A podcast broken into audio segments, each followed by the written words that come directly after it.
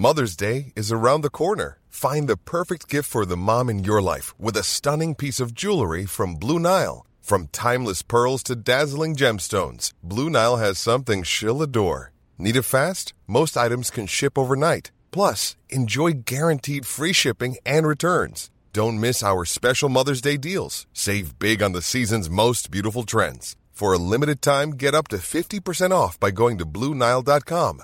That's BlueNile.com. Hiring for your small business? If you're not looking for professionals on LinkedIn, you're looking in the wrong place. That's like looking for your car keys in a fish tank. LinkedIn helps you hire professionals you can't find anywhere else, even those who aren't actively searching for a new job but might be open to the perfect role. In a given month, over 70% of LinkedIn users don't even visit other leading job sites. So start looking in the right place. With LinkedIn, you can hire professionals like a professional. Post your free job on linkedin.com slash people today.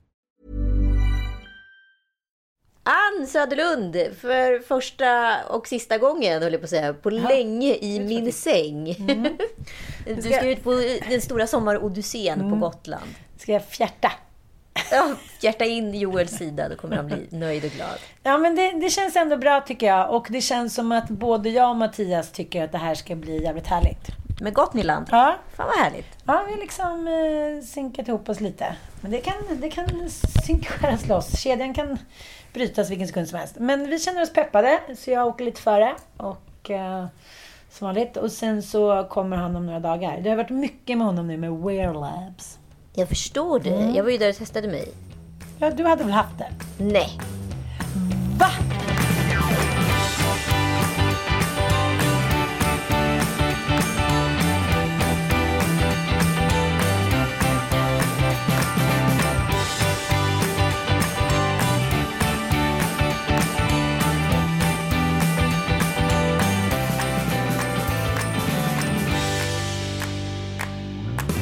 Men så här är det. Det är bara 6% i Sverige som har eh, antikroppar. Och jag hade ju så jävla tidigt. Jag hade ju december, januari. Och var liksom... Jag vet att alla som jag har hängt med har blivit smittade. Ja, men vadå? Du menar att det skulle inte synas Nej, men då kan jag ha för låg dos med antikroppar. Eller så har jag blivit immun. Alltså de, de visar ju ingenting sånt. Den visar ju bara om du har aktiva antikroppar. Och jag vet också att jag umgåtts med personer som har fått corona typ en dag efter de har hängt med mig. Alltså, fast Ja, jag inte, jag ja, och jag har inte blivit smittad utav dem. Och det här är alltså då efter jag har varit sjuk. Så du, du är en mycket svag eh, smittobärare. Ja, nej, men nej, nej, nej. Men alltså, Minismittaren. Minismittaren. Nej, men hur som helst, detta, detta negativa utfall på detta antikroppstest har ju då orsakat att Joel då har ställt in våra tre nätter i Italien som jag hade bokat. Men gud, hur hanterar du detta? Nej, det var, eh, alltså det var, vet du, vad, vet du vad som jag är mest irriterad på? Det är när man säger nej men inte har ett alternativ. Ja, det är sant. Utan det blev bara nej. Det är ett nej. Men, så här, men gör någonting själv då. Lös någonting själv. Det, man kan inte bara säga nej. Nej. Förstår du? Men, men Mattias brukar säga nej och sen så brukar han ångra sig liksom, när det är någon dag kvar tills vi ska fira jul eller nyårsafton. Då kommer... Vadå, han ska vägra fira jul? Nej, men han, kom, han vill ju hitta ett bättre alternativ. Jaha, en jul. Nej, men... Jag vill skapa, jag vill skapa jul i himmelen. Himmelsk jul. Nej, men han tänker så här, okej, nu, det handlar ju om en, en tonårstrots, att han inte vill att jag ska bestämma igen. Och den kan man ju förstå. Men då är jag så här, Ja, I'm men fine. det förstår jag ju verkligen. Alltså, det finns ju ingen som är så stark i, sin, i sitt driv som du. Nej, det är förvisso sant. Men nu har jag liksom öppnat och säger så här, jag säger det i och för sig inte på något gulligt sätt, jag säger så här, men lös det då. Gud vad gulligt. Ja, han, han hatar den rösten. Men lös det då. Nej, men, jag bara, men lös det då, om du tror att det kommer bli bättre. För jag har ju fem barn, vi har ingen bil, och snubblar Ja, du, hur många gånger drar man fembarnskortet med sin Ja, det är partner? Jag hade en lång diskussion med Ossian igår. Han bara, sluta vara ett offer. Du, jag Gud vad jag håller med din son för en gångs skull. Ja, men jag med. Och hur mycket älskar jag dig för att du sa precis det där. Nej, men jag, jag har bestämt mig för de närmsta två veckorna ska jag ha en mental sammandrabbning med mig själv. Alltså dina små minikini-projekt som håller ungefär i ett dygn. Nej, Ja. jag ska se vil- vilka sköldar jag använder. Precis som man typ liksom, tar ett glas vin eller förnekar någonting. Och det är en grej som jag ska börja med. Jag ska alltid trycka upp obehagliga mejl. Jag väntar alltid med det någon dag när jag ser att det är från någon som det är något, ja men du vet, så här, har du lagt upp det där eller Ja, men, Ja, det är ett obehagligt mejl. Någon, någon, någon som vill att du ska jobba. Du har lovat Nej, men du vet ibland man bara, just det där från skolan, hit och dit. då måste jag alltid marinera obehagskänslan i 24 timmar innan jag kan trycka på mejlet. Och nu ska du skicka direkt eller? Nu ska jag direkt trycka på mejlet. Oj. Ja, men, små, Ja, men det är stort. Små grejer som man håller på med som barriärer för att man ska liksom, ha ett, ett jätte, jättebra liv. Man bygger liksom upp små, små hinder för att det inte ska skava. Gud. Har du någon sån? Ja, säkert. Ja, men det är klart vi har. Det har ju alla Men, men människor. just, men just, just i det här fallet så skiljer ju du och jag oss extremt mycket. Mm, Alltså, jag är ju ganska mycket så här. Jag hatar ju att ha saker som ligger. Så där Mm. är jag ju snabb. Sen kan jag... Sen kan jag hustla ganska mycket med, med känslor, tror jag. Mycket mer. Ja. Att så här...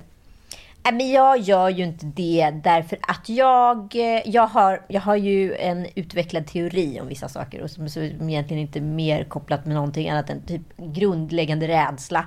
Eller lathet eller svaghet och så vidare.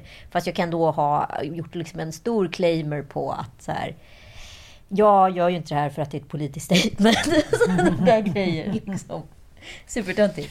Men jag fattar. Men, men du har ju en grej som jag har tänkt på som handlar Säg, om... säg, säg, säg.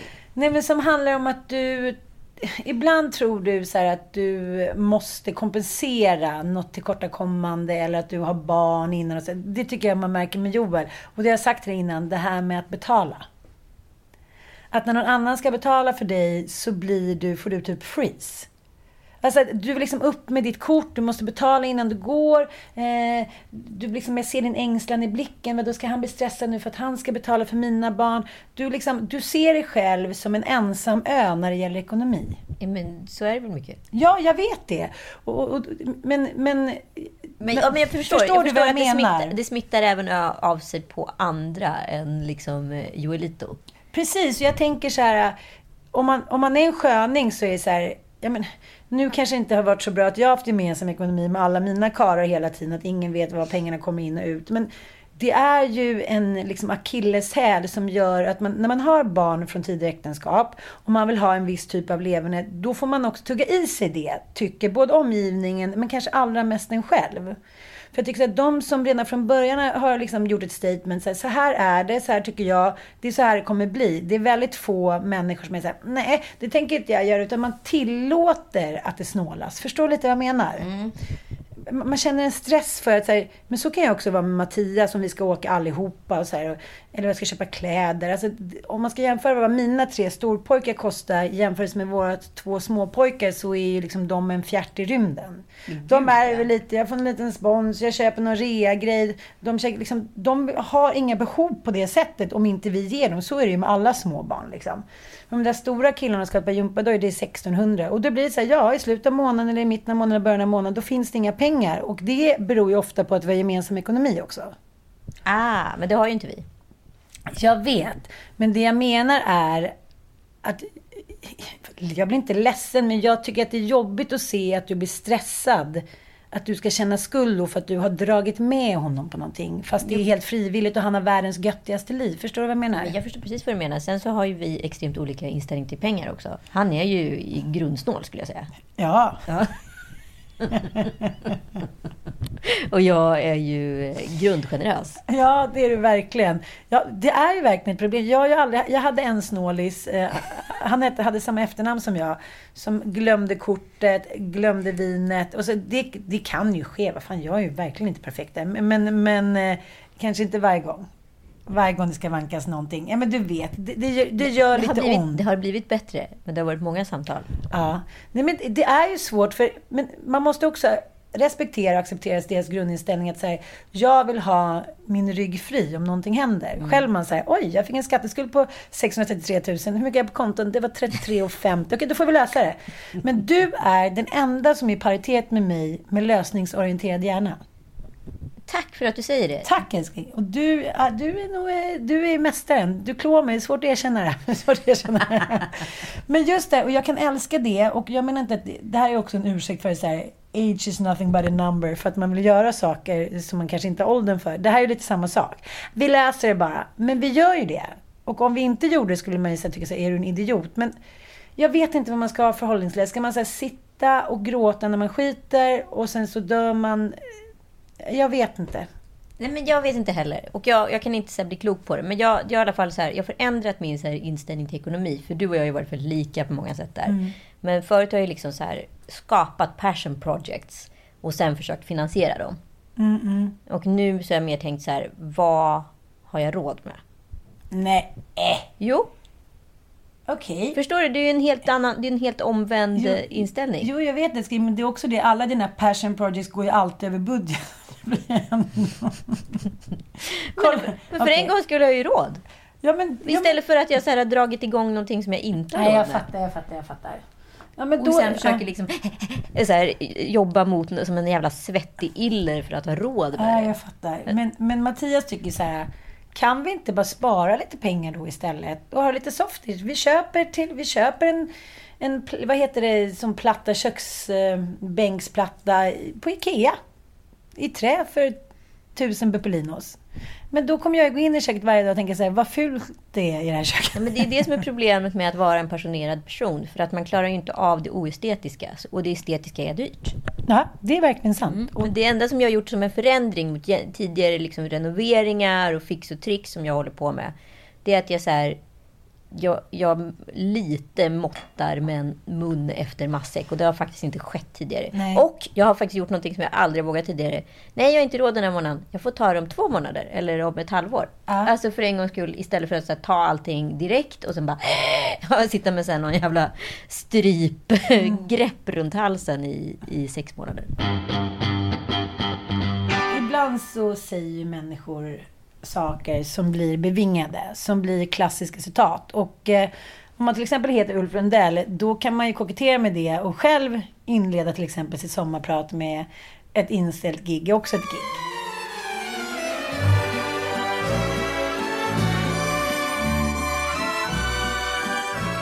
Det var en sommar i början av 90-talet. Jag var på turné igen. Jag blev sjuk.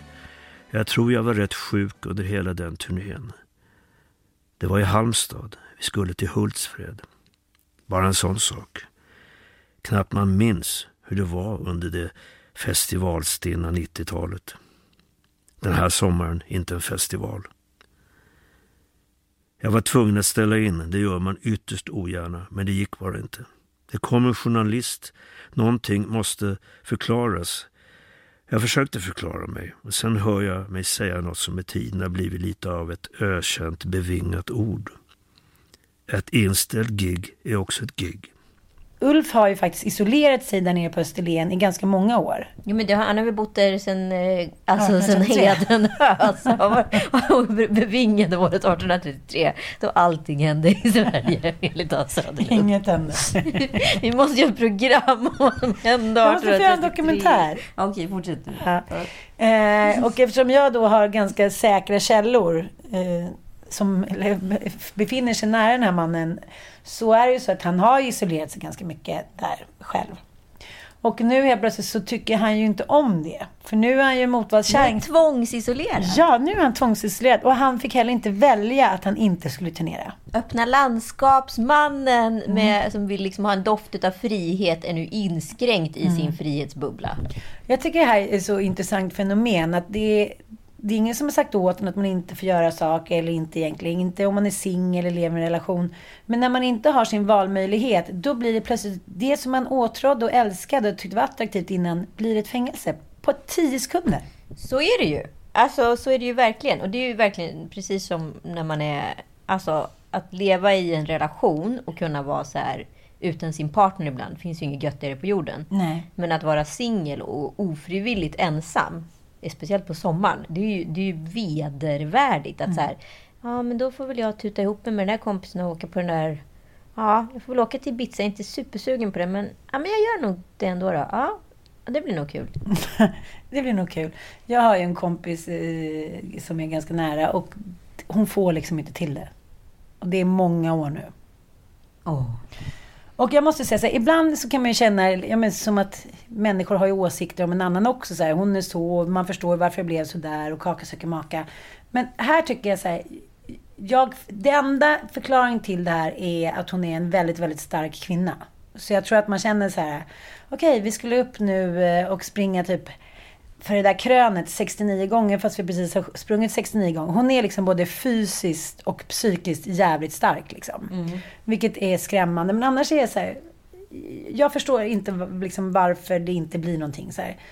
Men jag, jag, tycker man kan stanna upp också som så här, vän, som medmänniska, just under så sommartider.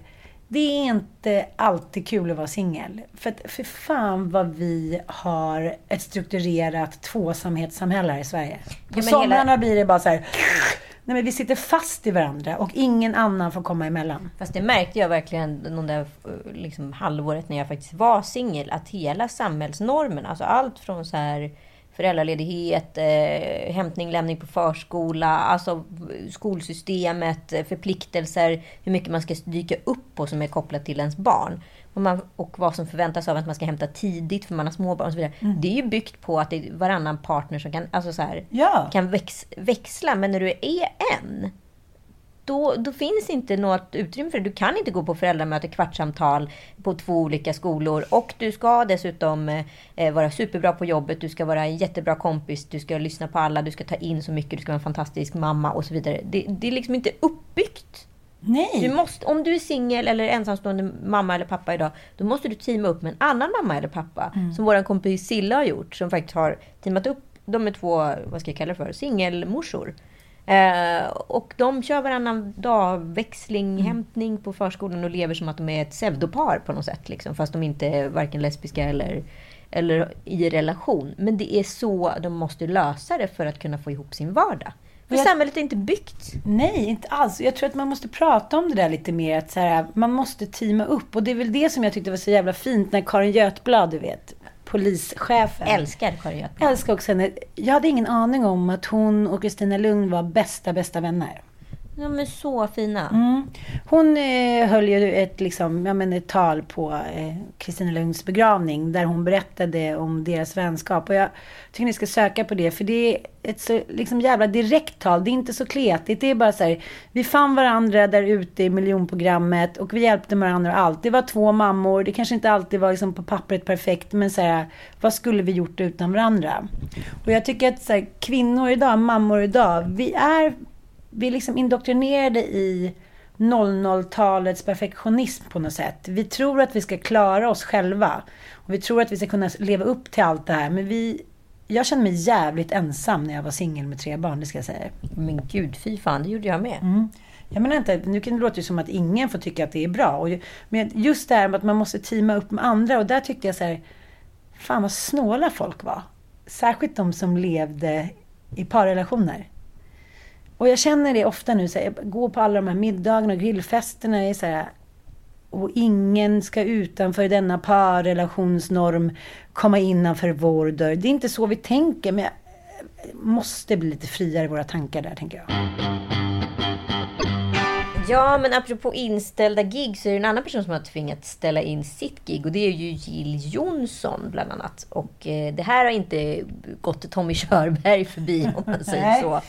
Eh, där kan man väl säga att så här, grumpy old men eh, vaknar upp lite. Så här, du vet den här på Gröna Lund, den här attraktionen när man ska slå grodor. Man liksom, när de väl så här, kommer upp, då kommer de i massor. Det går liksom inte att slå ner dem. Så känner jag lite. Nu börjar Uffe Tuffe Räka.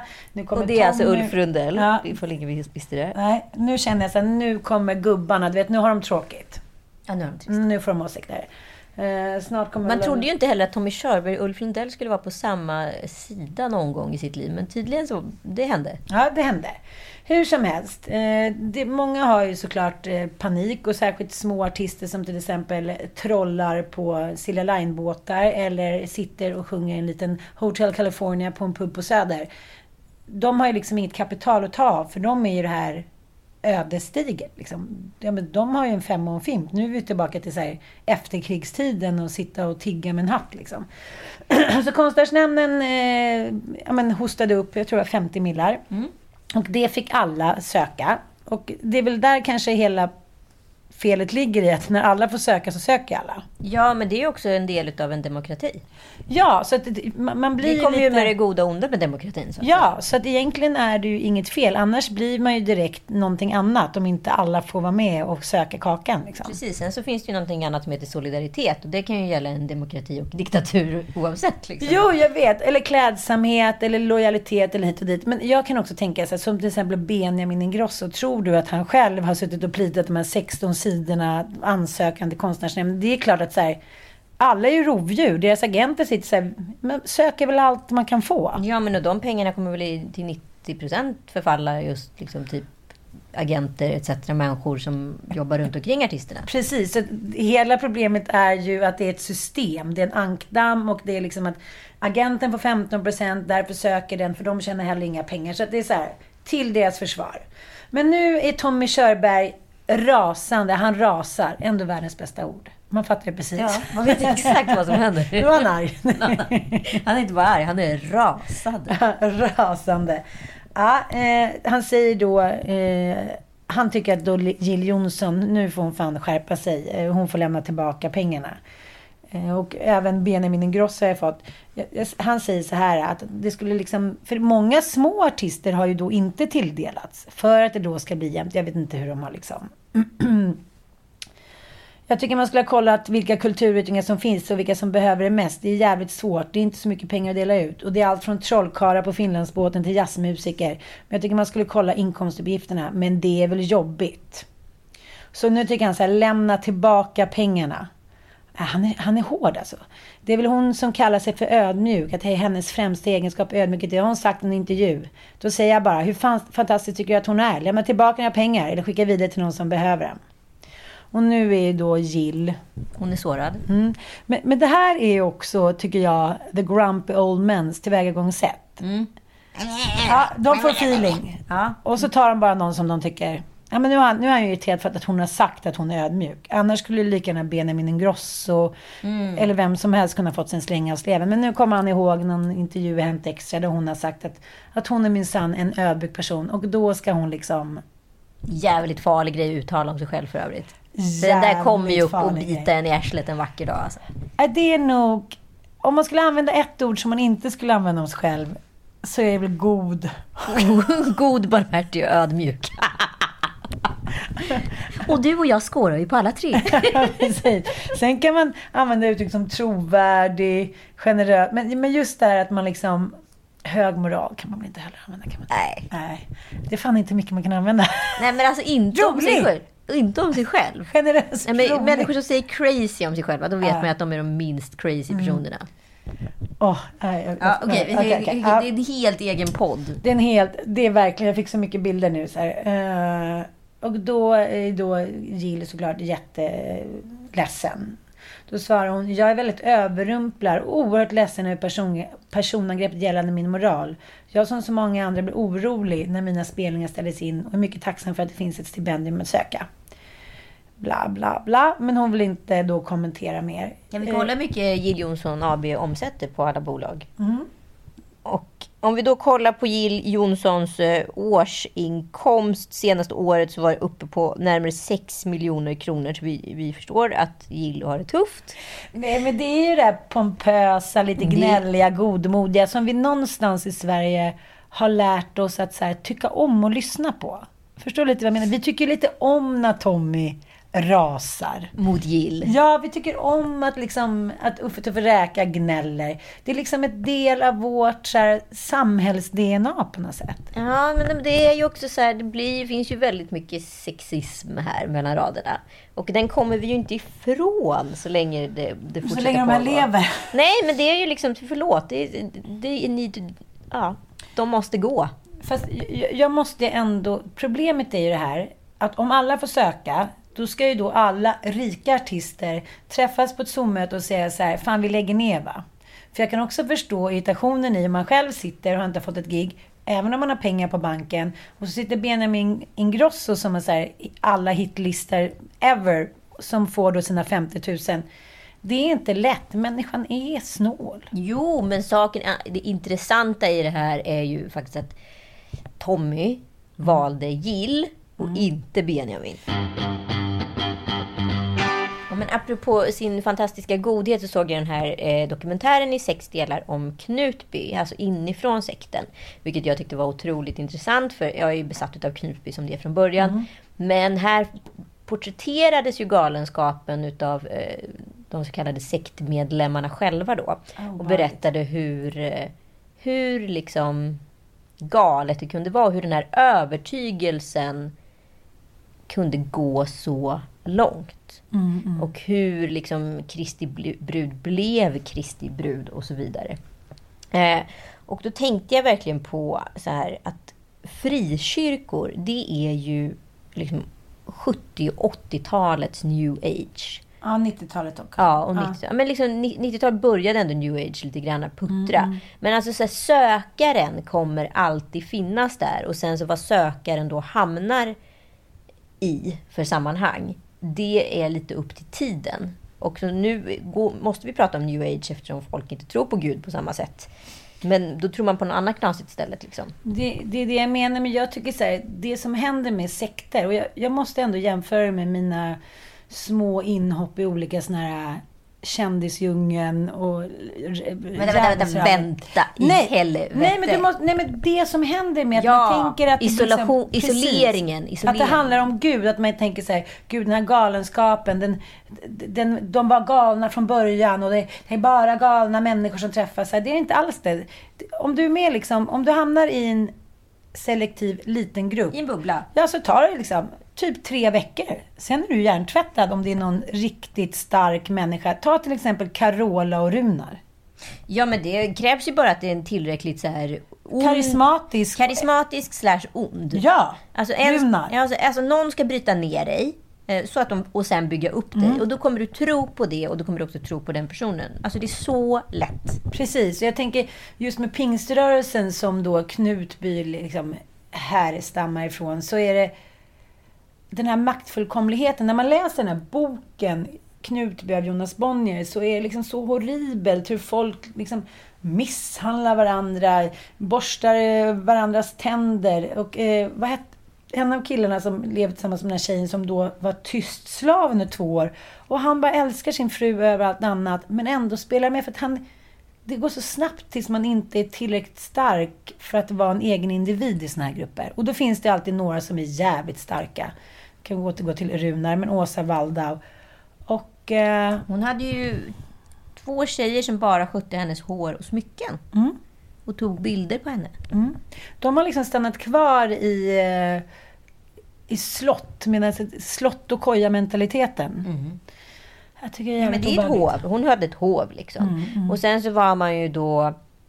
Antingen så var man ju bra eller dålig. Eh, och de som var dåliga, det var ju de som blev eh, då satta i någon form av karantän. Där man liksom inte fick, man var tvungen att vara orörd. Och det var ju det som också så här, den här att vara orörd under så lång tid. Det var ju också det som drev den här barnflickan till de här bestialiska morden som hon genomförde. Eh, och då hade hon varit då Helges sexslav. För det var det enda sättet hon kunde tvättas på. Genom att ha sex med honom fyra gånger per dag. För det kunde ta bort demonerna. Men jag tänker på det här... Hon har de- bott hemma där hos honom i hans sovrum. Hon fick alltså inte gå ut. I sex månader. tänkte- Vem som helst skulle bli galen. Du skulle bara bo här inne. Nej, men jag tänkte på det när jag såg eh, En ensam natt på Gotland, resterande episoder av Epstein, Filthy Rich. Hur de liksom, det tillvägagångssättet när han tog ut med unga tjejerna till sin ö. De är liksom fast där. Den vidrigaste känslan någonsin att säga du kan inte ens rymma.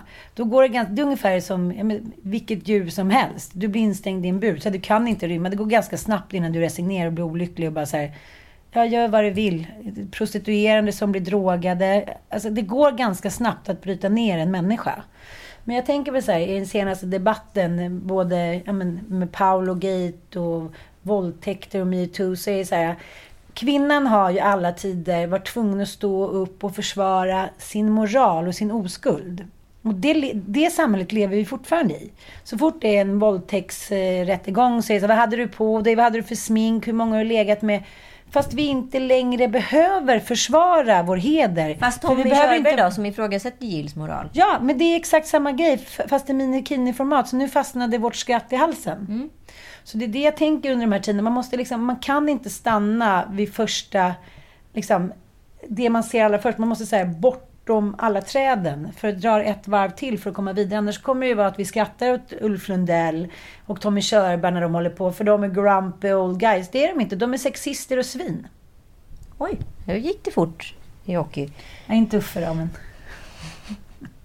inte Uffe, Sanna. Han är supergullig. Nej, jag menar inte att de... Men det är ett sexistiskt tillvägagångssätt. det var ju exakt det vi pratade om. Det var ju det vi var på.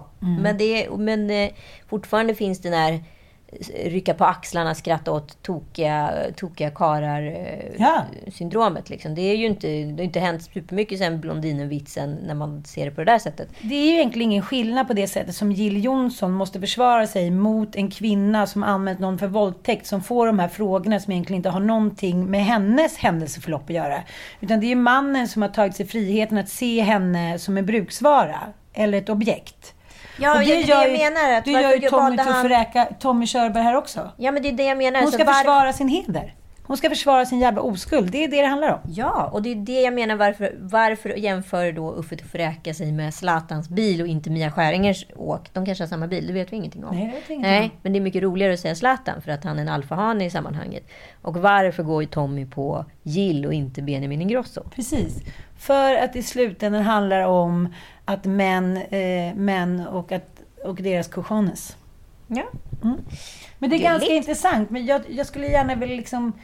Den debatten tycker jag är jävligt viktig just det att säga, det är inte så att man ska vara oskuld på bröllopsnatten. Det är inte så att man ska försvara sin heder enligt Kristus bla bla som uppfanns enligt religionen. Och ändå är det precis det samhället genomsyrar. Som nu, hon skulle försvara sin moral och ödmjukhet. Varför var ingen annan snubbe tvungen att göra det? Nej, men det var ju det som ändå är så intressant då med en person som Kristi Brud som ändå är en sån stark eh, alfakvinna, får man väl ändå kalla henne i det här sammanhanget. Galet Till och med hennes barn ställer upp i den här dokumentären och pratar ut om henne. Nu är hon ju bara den vidrigaste sexhäxan någonsin. Ja, sekt och sexhäxa någonsin. Ja men precis som Filip och Fredrik naglade fast där då med sin eh, DDR-Sverige i ja, men böcker och tv-serier och allting. Så var ju faktiskt Sverige ganska svart och vitt fram till 00-talet. Ja, för innan hade vi power couples som Carola och Runar som satte agendan för hur saker och ting skulle kunna gå. Sprunget ur det frikyrkliga Sverige. Precis. Och jag blev så jävla full i skratt igår när jag såg någon bild på Yvonne Ryding eh, som då vann Miss Universum eh, 1984, vilket var så här Gud, det var stort. Det var för fan som att vinna OS. Det var ju det största man kunde vara med om. She's a licensed practical nurse. How long have you been a nurse? Three and a half year. And your chaperone told me that you have gone to a Miami hospital with a sore throat. Yes, I am. As a nurse, do you think they took good care of you there at the Miami hospital? Yes, they took a very good Is care Miss of me. yes. South Africa, Miss Sweden, is Miss Universe. Congratulations.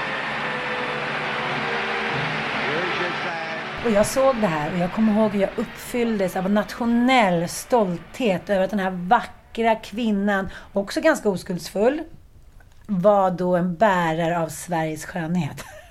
Ja, ut i världen. Ja, det var en största önskan. Och hennes då i, i sammanhanget val av gemål, eller rättare sagt hon kanske snarare blev vald utav Kjelle Berka som var då en väldigt uppburen skådespelare. Ja, men det är han väl fortfarande. Jo, ja, men då fattar. var han ju liksom på en helt annan nivå. Han var ju Zlatan fast skådespeleri kan man Ja, säga. eller Persbrandt eller whatever Ja. you will say. Men han var ju också den sista generationen karakarar. Ja, jag fattar precis vad du menar, men fortfarande går det inte att frånkomma att det finns en stor underhållning i Runar och Carolas bröllop och detta sågs på TV och detta, in, detta förhållande liksom upphöjt till Gud befästes utav Ulf Ekman. Ja. Jag grät ju. Tyckte det var så fint. Jag tänkte så kanske ska jag skriva en låt till min kille. Sen, när jag gifte mig och sen gick det ju liksom någon epidemi att alla skulle så här, sjunga för sina snubbar på bröllop. Inte bra. I en gräddtårta. I en gräddtårta. Nej, googla YouTube. Hon, hon, satte, hon gjorde mycket dåligt där, Carola. Nej, men jag tänker på de här powercupsen, att nu så kanske vi har en annan blick på dem. Vi, här, om Carola och Runa skulle stå och tala i tunga på sitt bröllop så skulle vi ju garva. Jo, men det är ju ingen som skulle tro på att en människa kan ens tala i tungor, för alla vet att det är... Jo, jag fattar, Det på! Hur ser Gud att du har ett rätt hjärta? Genom att du säger nej. Genom att du säger nej till lathet. Genom att du säger nej till uppror. Genom att du säger nej till självmedömkan.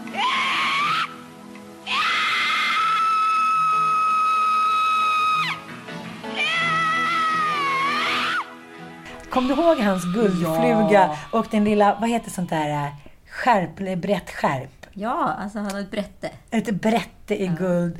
Hon har lite guld och lite rätt. Jag tänker ju bara på Tom Hanks från Big. När han kommer ner, när han kommer på firmafest och det är ett tuxedo-tema. Han, kommer, han är ju då 11 år som har blivit 32 över en natt.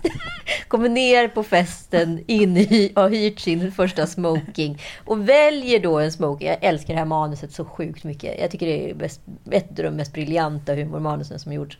Och väljer då sin smoking ut efter vad en 11-åring hade valt. Ja. Vilket är en knall eller ljusblå smoking.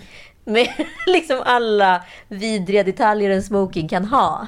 Och alla kommer då i, i tux, alltså black tie. Och det snor ju sen Dum-Dummare när, när, eh, när de också ska gå i Dum-Dummare, när de ska välja. Det blir en aprikos och, och de provar så många snygga taxider och sitter och kollar på varandra och sen kommer de in då i den här aprikosa, helt vidriga. Då är liksom jubel, ja. Det, alltså, det är ju också så här episka scener. Och så står Runar där helt plötsligt och ser ut som dum-dummare.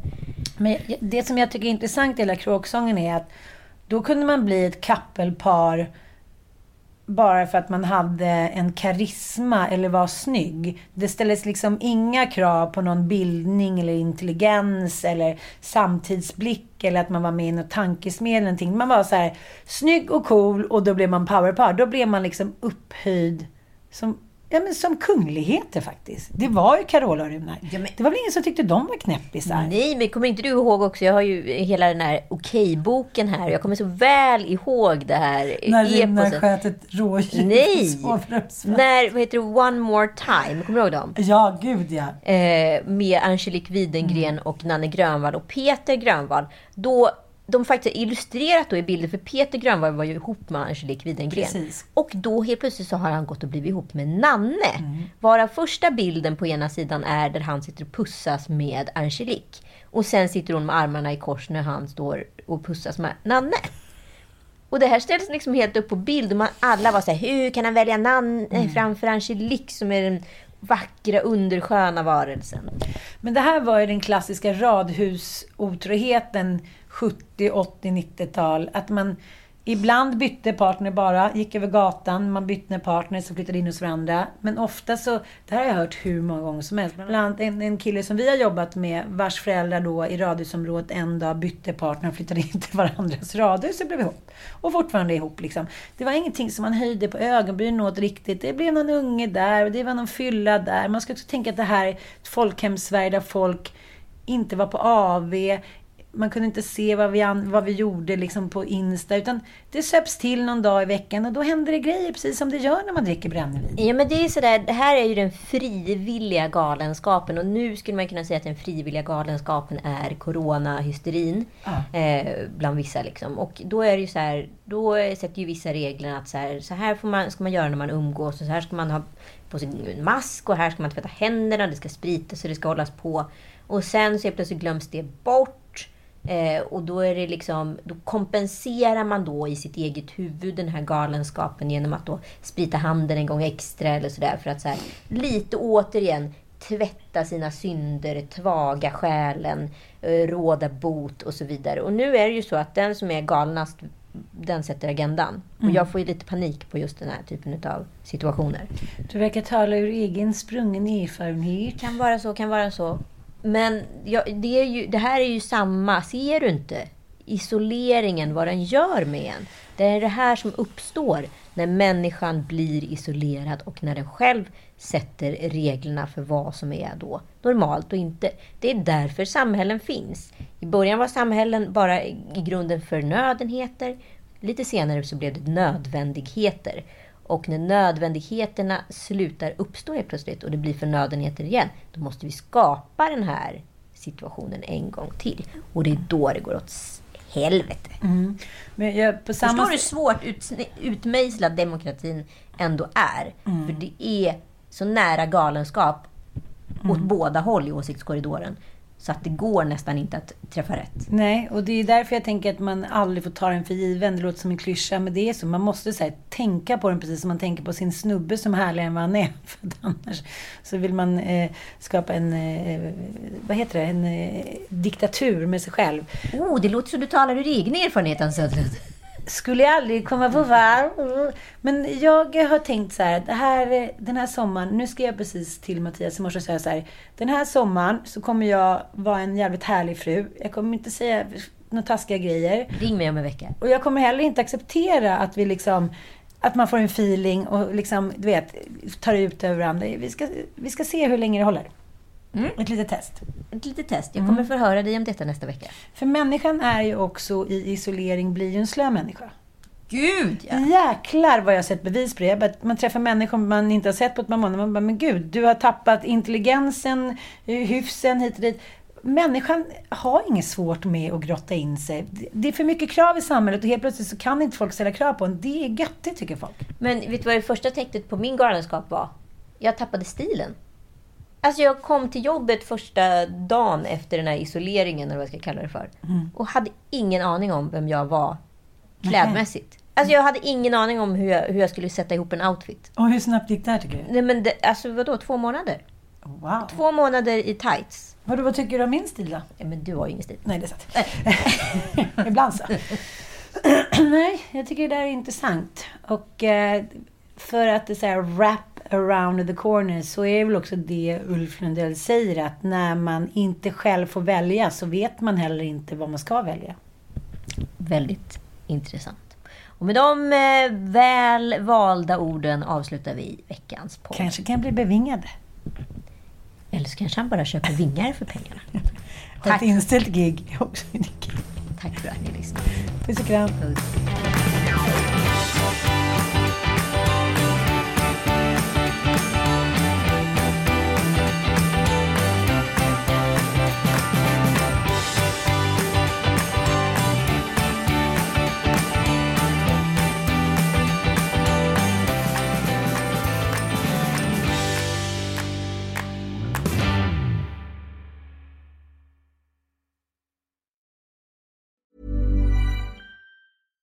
Mom deserves the best, and there's no better place to shop for Mother's Day than Whole Foods Market. They're your destination for unbeatable savings, from premium gifts to show-stopping flowers and irresistible desserts. Start by saving 33% with Prime on all body care and candles. Then get a 15-stem bunch of tulips for just $9.99 each with Prime. Round out Mom's menu with festive rosé, irresistible berry chantilly cake, and more special treats. Come celebrate Mother's Day at Whole Foods Market. Mom deserves the best, and there's no better place to shop for Mother's Day than Whole Foods Market. They're your destination for unbeatable savings, from premium gifts to show-stopping flowers and irresistible desserts. Start by saving 33% with Prime on all body care and candles. Then get a 15-stem bunch of tulips for just $9.99 each with Prime. Round out Mom's menu with festive rosé, irresistible berry chantilly cake, and more special treats. Come celebrate Mother's Day at Whole Foods Market.